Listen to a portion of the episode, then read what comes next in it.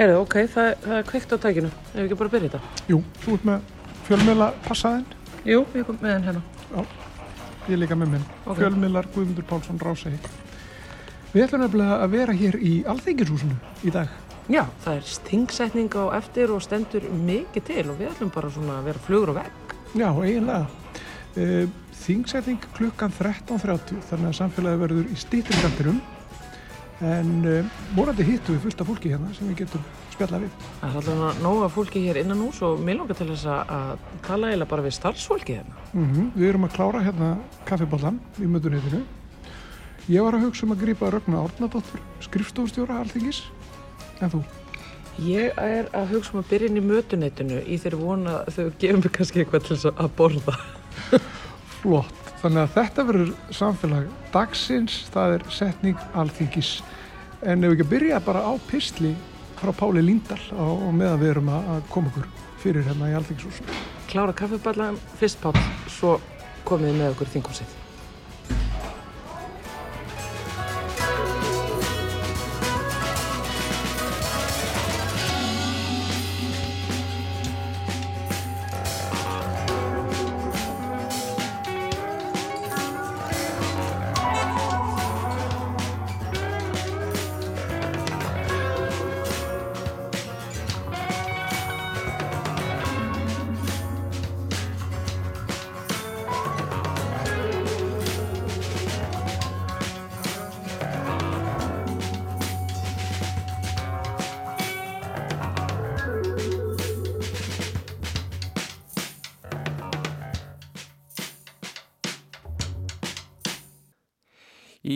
fyrirlesturum hjá mér hef ég gerðnan leikin á því að byggja áhörundur um að ligna aftur augunum og sjá fyrir sér versta eða mest fráhrindandi umhverfi í sínu daglega lífi. Og hérna er áherslan á eigin reynslu í hinnu hverstagslega lífi. Ekki á einstök dæmi, til dæmis þegar við sem börn læstum okkur inn í dimri geimslu eða aðstæður sem eru okkur blessunarlega framandi, svo sem að vera stödd í stríðsrjáðu landi. En sum sé, áhærundur eru bennir um að ímynda sér að vera stattir í þessu mjög svo fráhrindandi umhverfi og ég byrð þá um að líta í kringum sig. Taka eftir einkennum umhverfisins, spá í eigin líðan, tilfinningu og líkamstöðu. Eftir smá stund af þessari hugarleikumi byrð ég áhærundur um að skiptum gýr og ímynda sér sitt uppáhaldsumhverfi ímynda sér besta umhverfið í hennu daglega lífi. Líta í kringum sig, taka eftir einkennum umhverfisins, beina sjónum að eigin líðan og tilfinningu og kanna eigin líkamstöðu. Eftir smá stund í þessu umhverfi býð ég fólkum að opna augun. Þessi svo fyllt eftir með spurningu á borfi þessa. Rétt upp hönd þeir sem fundu einhvern mun á því að dvelja í þessu ólíka ímyndaða umhverfi. Sá munur þarf ekki vera mikill, bara að þið hafi fundið einhvern mun. Íðulega má gera ráð fyrir að 85-90% áhöranda réttu upp hönd. Hvort leið ykkur betur í versta umhverfinu eða því besta? Svarið er augljóst. Það er augljóst vegna þess að auðvitað líður okkur betur í betra umhverfi og verð í verra umhverfi. En samt, þetta má segja að sé eitt af grundvallaratriðum umhverfi sálfræðinar og við virðum stundum gleima þessum einföldu sannindum. Það er mjög áhugavert að horfa á hóp fólks gera þessa æfingu. Að verða vitna því hvernig hefð slæma fráhrindandi umhverfi þurkar öll svipriði af andlitum fólks hvernig axlir síga fram, haka niður og brjóskassi inn. Andrúsloftið tekur að fyllast af vonleysi og deburð. En svo byrtir heldur betur yfir þegar að hópurinn skiptir úr þessu umhverfi yfir í það besta. Þá færist bros yfir andlitin. Hakan liftist, axlirna færast aftur og brjóskassinn fram. Fólk reysi sig upp í sætónum. Andrúsloftið breytist, Það færist, von, trú og gleði yfir mannskapin. Hvað einkendi vesta umhverfið ykkar daglega lífi? Hvers konar umhverfi kom upp í hugan? Vissulega eru svörin af ímsu tægi en megin stefið er það sama. Umhverfið er grátt, það er dimt, hart og kallt, jafnvel blöytt. Þraung sund, bílakjallarar, bílastæði, gráar kuldalega götur í þjættbíliskjörnum landsins, svo dæmi séu tekin.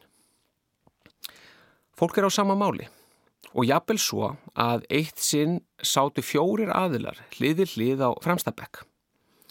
Allir fjórir sögðust hafa ímyndað sér sama umhverfið. Það er borgatúnið í Reykjavík í námunda við höfðatórsturnin. Ég selða ekki dýrara en viðkomandi sóru og sárt við lögðu að hafa ekki borið saman bæku sínar um niðurstöðuna. Svo það sé nú bara sagt. Þegar spurt er um besta umhverfið þá má ganga því vísu að langsamlega flestir nefnu umhverfi utan dýra sem hefur einhverja tengingu við náttúru eða fulltrú á hennar. Sumir nefna heimili sitt í þessu samhengi og þá einhverjum svefnuverkið, en ekki fleiri orðum það að sinni. En það sem er áhugavert er hversu öflugur hugur okkar er. Í þessari litlu æfingu eru áhörendur bennir um að teikna upp myndir í huga sínum og með því að tengja skinnun sína og fyrir reynslu við þessar hugrænu myndir geta þær kallað fram andleg og líkamleg viðbróð. Og þetta geta þið gert þó að hefur raunmurlega umhverfi sé hvergi næri.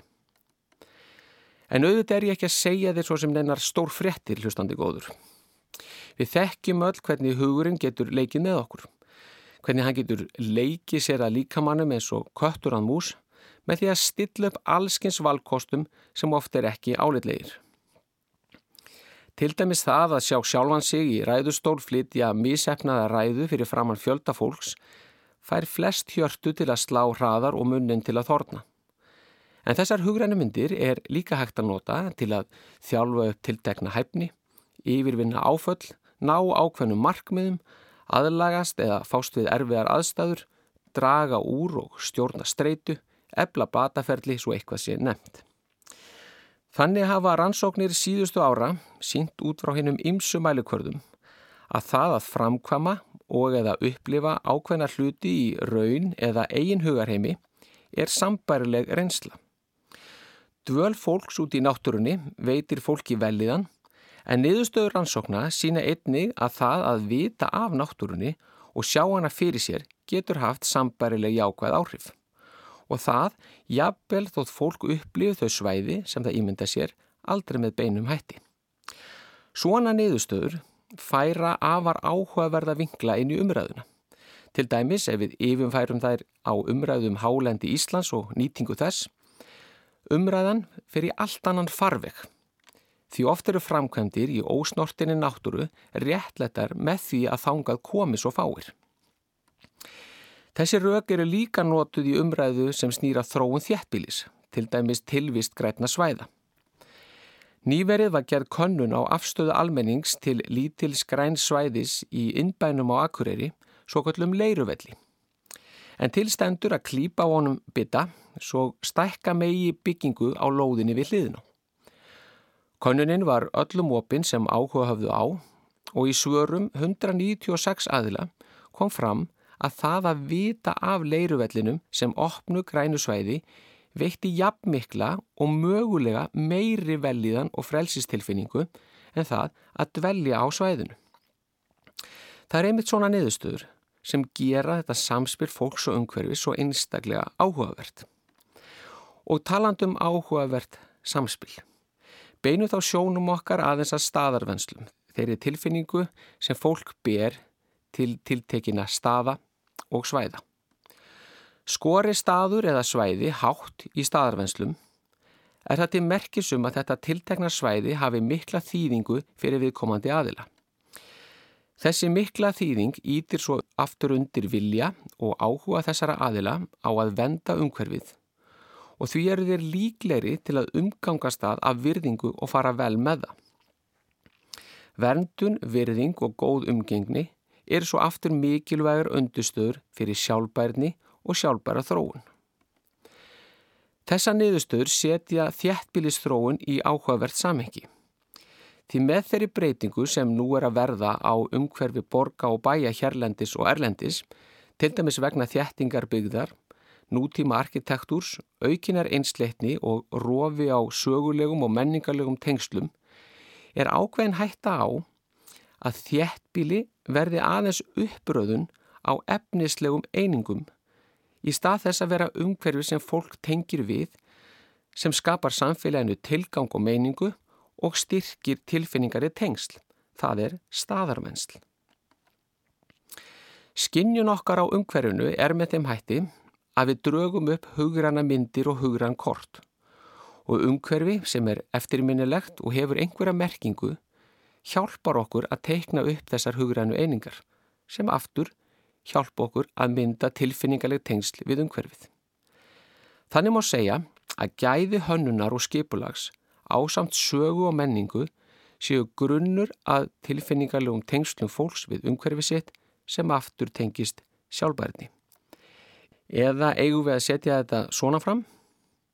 Þegar við ímyndum okkur besta umhverfið í okkar hverstaslega lífi, þá hugsaum við flestum svæði sem hafa tengingu við náttúru, sum okkar hugsaum okkar eigið heimili. En í öllum tilvikum hugsaum við um umhverfi sem verum meiningu og skiptur okkur máli í tilfinningarlegu samhengi. Þetta umhverfi viljum við venda, virða og ganga vel um svo við getum haldið áfram að njóta þess. Slík viðhorf og slíkt atferðli ítir undir sjálfbærni. Já, samspil okkar við umhverfið er svo sannarlega áhugavert. Takk í dag.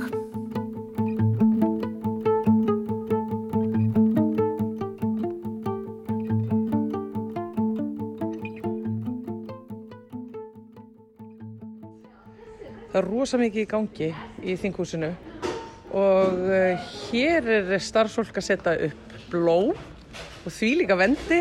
Varst það Instagrama þessi blóm? Já, ég er hérna að vinna fyrir samfélagsmiðla teimi Þingsins, þannig að já, ég er að, að, er að vinna hérna myndir og, og, og Operation Stormsveipur eins og við kallum þetta núna.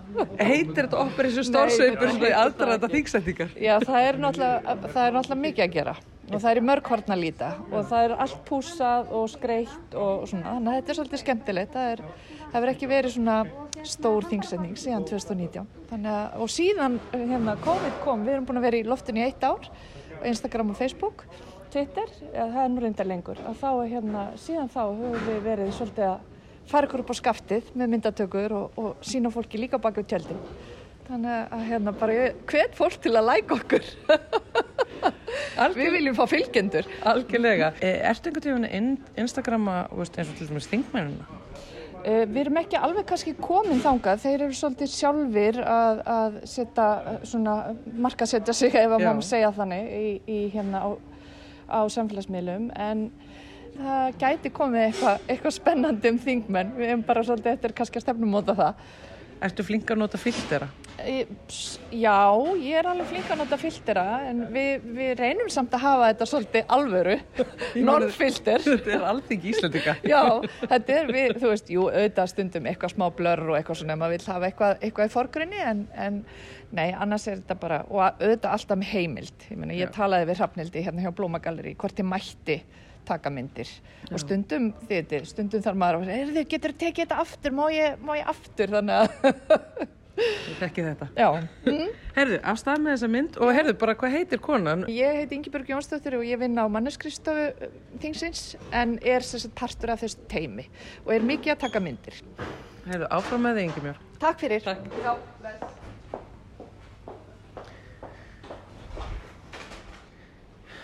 Dásamlegur matar ilmur hér í loftinu, náttúrulega. Ég dregst strax að mötineitinu hérna í þinginu. En bytturum við það, það stendur samt hérna bannaður aðgangur. Æ. Akkur er bannaður aðgangur inn í mötineitið? Inn í eldursin, það er alltaf það er bara þannig að fólk sé ekki að lappandi inn. Við þurfum að vera svona í sérstöku skóm og þetta er bara hreinlætis Já, þú ert með náttúrulega hárnett og allt í gangi. Hefur þú verið hérna lengi? Já, ég er búin að vera hérna lengi. Örgulega 12-13 ári í mötunetinu. Hvað heitir þau? Sveinborg. Hvað er svona gaman við að vinna í mötunetinu hérna á þinginu? Það er bara svo mikið líf hérna. Sem... Alltaf nóg að gera í mötunetinu. Já, ætlar að segja okkur hvað þið ætlar að bjóða upp á í dag? Já, það er kjúklingur. Það er hérna kjúklingur í tandurisósi, hrísgrón og svo tandur í grannmustréttur. Ég sé líka að það vera að gera einhver snittur og eitthvað svona. Já, það er fyrir þingveisluna.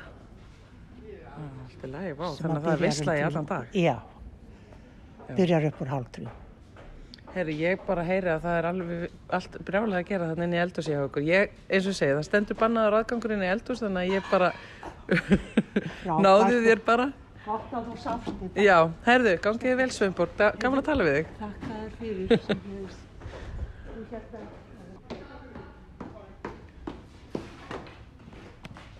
Herðu, þú ert allir með svona græjur í eirunum hérna, ertu, ertu, ertu leinulöka? Ég er ekki löggað, það nú mikið fyrir mér. Þannig að ég geti nú valla talist leinulögga. Nei, það er nefn allt í lagi. En hvað heitir og hvað gerur þú? Herri, ég heit Guðlur Áksson, geng alltaf undir nafnu Gulli og ég er deildastjóru þingvöslu. Stýri sem sagt þingvöslunni sem sér um þjónustu, öryggismál og fleira hér hjá Alþingi. Og það eru öryggismálinn sem eru vantalega ástæða þess að þú ert svona mikið á þönum hér í dag. Já, meðal annars og svo erum við bara að klára loka undirbúningin fyrir þingsetninguna. Þetta er stór dagur hjá okkur Já. og mikil tilhaugun. Þannig að já, það er svona hlutin af þessu. En hvernig fer þetta fram hérna eins og til dæmis varðandi það? Við þurftum að fá hérna, veist, passa til þess að komast inn og það er svona mikið umstang, slöggan fyrir utan og allt í gangi. Já, þetta er náttúrulega, við vinnum þetta allt í uh, samstarfi og, og samráði við laurugluna. Uh, laurugluna sér náttúrulega mikið um ytri gæslu. Við, þá meina ég Þingvarsland sjáum mikið um innri gæslu, þá er ég við inn í húsnæði alþingis. Þannig að þetta er svona svolítið tvískipt. Uh, ástæðan fyrir sérstökum pössum er að það er bara til að geta greint þá sem eru hér inn á þessu svo kallaða aðtapnasvæði sem, að- sem að lítur að þingsetningunni. Gulli, hefur öryggisgæsla aukist með árunum? Nei, hún hefur ekki gert það. Við í rauninu störfum uh, meira eftir því bara rauninu hvernig, ef við getum orðað þannig, hvernig bara ástandið er í þjóðfélaginu. Þetta er bara mat sem kemur frá lauruglunni og við störfum mikið eftir því.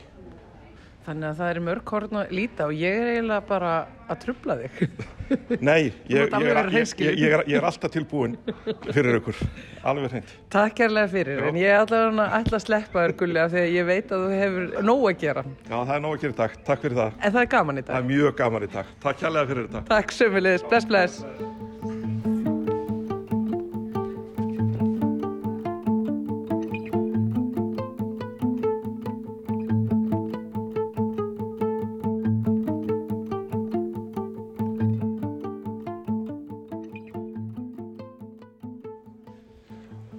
Ragnar Árnardóttir, uh, skrifstofustjóri Alþingis. Hvar eru við núna? Við erum hérna í, komin inn í Alþingishús. Við vorum að ganga frá skála og erum komin hér í, á aðra hæð Alþingishúsins og erum hér á leiðinu væntalega inn í þinghúsið á aðra hæð þar sem að, að, að hér er allt að gerast. Það er búið að raða hér stólum fyrir gesti. Við erum ekki búin að fá alla þessa gesti síðan fyrir heimsfaraldur á þingsetningu. Eh, Það var síðast 2019 þannig að þú sér það að hér er efri deildasalur og það er búið að ræða hér stólum fyrir gesti. Inn af því er, er ráðherraherbergi og öðrum hliðasæl heitir blaðamannaherbergi, annar hliðasælur heitir blaðamannaherbergi. Og við erum búin að setja þar stóla fyrir þá, þá gesti sem koma sem eru fyrverandi fórseta þingsins, það eru ellendir sendimenn, það eru ráðuneytistjórar og ég er auðvitað gleym einhverjum en allavega við erum með hérna verðum með eh, gesti aftur og erum að æfa okkur að, að gera þetta svona eftir COVID. Já, og það er allir að hlaupum hér. Það er, það er mikið, mikið um að vera. Já, og það er búið að vera bara töluverður undirbúningur í, í, í hérna síðustu viku og, og í aðdraðandunum þannig að hérna, þetta smellur alltaf lókum. Já, og þú myndist á COVID. Hvernig er annað hægt? Já, já, ég gerði það nú eiginlega gegn betri vitund því að með helst langast að sleppa því sko. Já, en núna er allt svona að falla í, í þær skorður sem að við þekkjum og, og eru svona hefðbundnar hér og hefðin er náttúrulega mikilvæg þessu húsi. Já, já, við höldum í hefðirnar en auðvitað eh, notum við tækifæri og breytum ef að, ef að, að hérna, ef að það er þörf er á því eða, eða bara tækifæri kemur því að heimurum breytist og við með. En jú, hefðirna eru mikilvægir þannig að við, þessi þingsetning svona tekum miða því sem áður var og, hérna, og við verðum svo eftir, eh, það kemur hér, fórseti Íslands kemur hér og setur 153. lögjafaþing og uh, hér verður, svona, verður ákveðin aðtöp, þingsetningar aðtöp, uh, þar sem að erlendu gestirni verða þá viðstættir hér í hliðasölum. Svo verður þingsetningafundi frestað, gestir fara og fá sér kaffi og, og kannski smá köku. Uh, og síðan uh, eftir konar kannski rúman hálf tíma þá hérna fara bara gestir út. Og þingsetningarfundurinn heldur áfram þar að segja þingfundur þar sem að verður svona gengi frá ímsu, það er einhverja breytingar í, í nefndum og, og svoleiðis. Og hápunkturinn er vita skuld að það verður dreyið um sæti í lók þess fundar þannig að þá draga þingmenn um það hvar þeir alltaf sitja í vetur Þannig að það er nú oft svona svolítið fjör og létti við fólki, svona yfir höfuð. Þannig að, að það eru svona verkefni dagsins. Já, núna horfum við hérna inn í þingsalinn sem er minni en mann grunar. Eða maður hefði haldið sko, þegar maður horfur á þetta aðalega í sjónvarpinu. Já. En núna komast allir fyrir hér. Það núna þarf ekki að, að koma fólki fyrir í neinum hliðarsölum eins og, eins og var í, í COVID. Nei, þú getur rétt ímyndar. Hann er nú ekki einu sinni 90 fermetrar þessi salur að hafa þá alla þingmenn og ráþærana og, og, og þar er ekki heimsfaraldur og eitthvað bil á milli og verið svo guðslifandi fegin. Nú komast, eh, komast þau öll fyrir hér í þingsalnum og allt er eins og þá að vera. Auðvitað er eh, þröngt á þingi, svo það stendur. En uh, hérna, nei, nei, þetta er bara óskaplega ánægilegt Já. að geta gert þetta svona. Já. Við lökum öll til. En herbyggin fyrir uh, þingflokkara? Já, Eru breytingar á milli þinga eða, eða er það bara gert upp eftir kostningar hverju sinni svona eftir hver þingstyrkurinn er? Og... Það er alltaf eftir, eftir kostningar þannig að við fórum í gegnum hérna það í fyrra og þetta eru átta þingflokkar. Eh, húsakynni þingsins hafa verið svona þegar að hérna, þau voru hönnuð og, og, og hérna, skálinn byggður þá var ekki gert ráð fyrir svona mörgu þingflokkum en, en svona virkar þetta nú og þingflokk flokkarnir hafa, eru átta og, og þannig að við þurfum að, að það eru ímsa tilfæringar. Þannig að þær fórum við í gegnum uh, síðasta haust og líka með skrifstofu þingmanna. En svo verður auðvitað mikið breyting á næsta ári þegar að við förum í nýbygginguna. Því þar verða þingflokksherbyggi og skrifstofu þingmanna. Já. En það verður sjálfsagt líka eitthvað svakalegt púsliðspil, þannig að, að hérna, já, en við erum allavega ekki, þurfum ekki að takast á þetta núna í ár. Segðu mér aðeins betur frá þessari nýbyggingu. Eh, hún rýs hvar og, og hefur verið hvað lengi í, í byggingu? Sko, það var, fyrsta skóplustungan var tekin hér uh, í byrjun árs, uh, já þetta var þarna veturinn 2019-2020 og þannig að það byrjar, uh, byrjar framkvæmdir þá um það leiti og þeim á að ljúka núna á næsta ári. Við ætlum að flytjast inn í nýbygginguna fyrir næsta lögjafaþing, það er að fyrir næsta haust. Þannig að, að hún rýs hérna á alþengisreitnum, hún er hérna við hliðin á Ottfellóhúsinu, hún er, hefur, hefur heimilsfangið Tjarnagata nýju uh, og er heila þarna gengt uh, húsi Hattrættis Háskólans. Þannig að þetta er allt svona einan seilingar, við þurfum þá ekki að vera hinum yfir austu, austuvöllinlingu sem að skiptur þetta ótrúlega máli. En fyrst og fremst er þetta svona aðgengismál að það er hægt að bjóða upp á, á almennlegt aðgengi og bara sem að, að samræmir, samræmis nútíma kröfum uh, og, og þannig að það verður allt miklu betra en, en, en auðvitað það er alltaf áskoranir en, og tækifæri að, að fara í nýtt hús. Það verður bara ótrúlega spennandi. En þessi frangat hún er á áætlun uh, þrátt fyrir uh, það sem verður endur skoða ímislegt náttúrulega ljósi já, svona efnagsmála sem er nú rætt hérna bara. Já hinnum með þennan gang? Já, já, það eru þetta ímislegt sem kemur upp í svona flóknu verkefni og ég meina, en við verðum bara að flytja inn hann fyrir næsta haust. Það er ekkert sem heitir. Við erum ekki með leigursamninga endalust hinnum með Östuvellin og, og hérna, við verðum bara að finna út úr því hvernig við flytjum inn næsta sumar. Það er bara svo leiðis. Mm. Annars hafa líka verið frangandur eða ekki hérna við húsið sjálft, við Alþingishúsið í, í sumar. Jú, það er verið að ditta hér að ímsu. Það er hérna, það er eh, deildin sem aldrei sefur, það er umsjón fastegna. Eh, það er búið að mála hér eh, þakki á þóssamri, hér vonastræti átta og búið að gefa þeim andlýsliftingu þessum húsum, þau eru glæsilega að líta. Síðan er búið að vera að ditta svona hinn og þessu, það er búið að vera að mála hérna inn í alþingishúsinu svona, vera að laga svona ímsa veggi og, og gera fínt.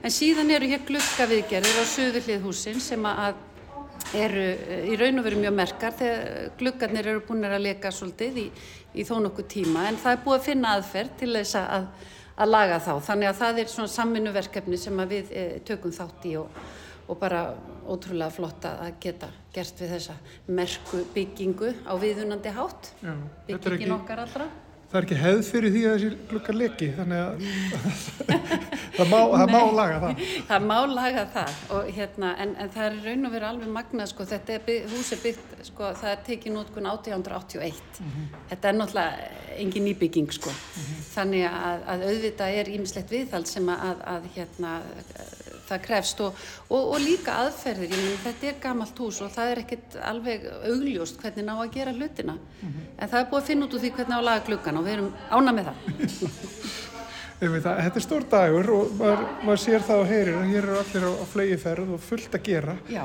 er þetta, svona, er þetta stærsti dagurinn eh, hjá, hjá ykkur starfsmunum alþingis? Já, bara með þeim stærri og við auðvitað hlökkum til að fá þingmennin okkar hérna í hús og þingfundir hefjast og þetta auðvitað er hér starfsemi allt árið en þetta er auðvitað bara ákveðin tímamót og gleðidagur þannig að við erum öll full til hlökkunar og gaman að, þetta er gaman að vera stúsast hér og þar og allstaðar. Já. Takk fyrir spjallið Ragnar Ánaldóttir, eh, skrifstofstjóri Alþingis og bara góða skemmtun á þingsettingu. Takk fyrir. Og þá verður samfélagið ekki lengra. Þátturinn ofinni stuttur í dag en hér rétt á eftir hefst dagsgrá á rás 1 vegna setningar 153. löggefarþings alþingis. Guðmundur Pálsson og Þórildur Ólastóttir þakka fyrir sig í dag. Við heyrumst á morgun. Fyrir sæl.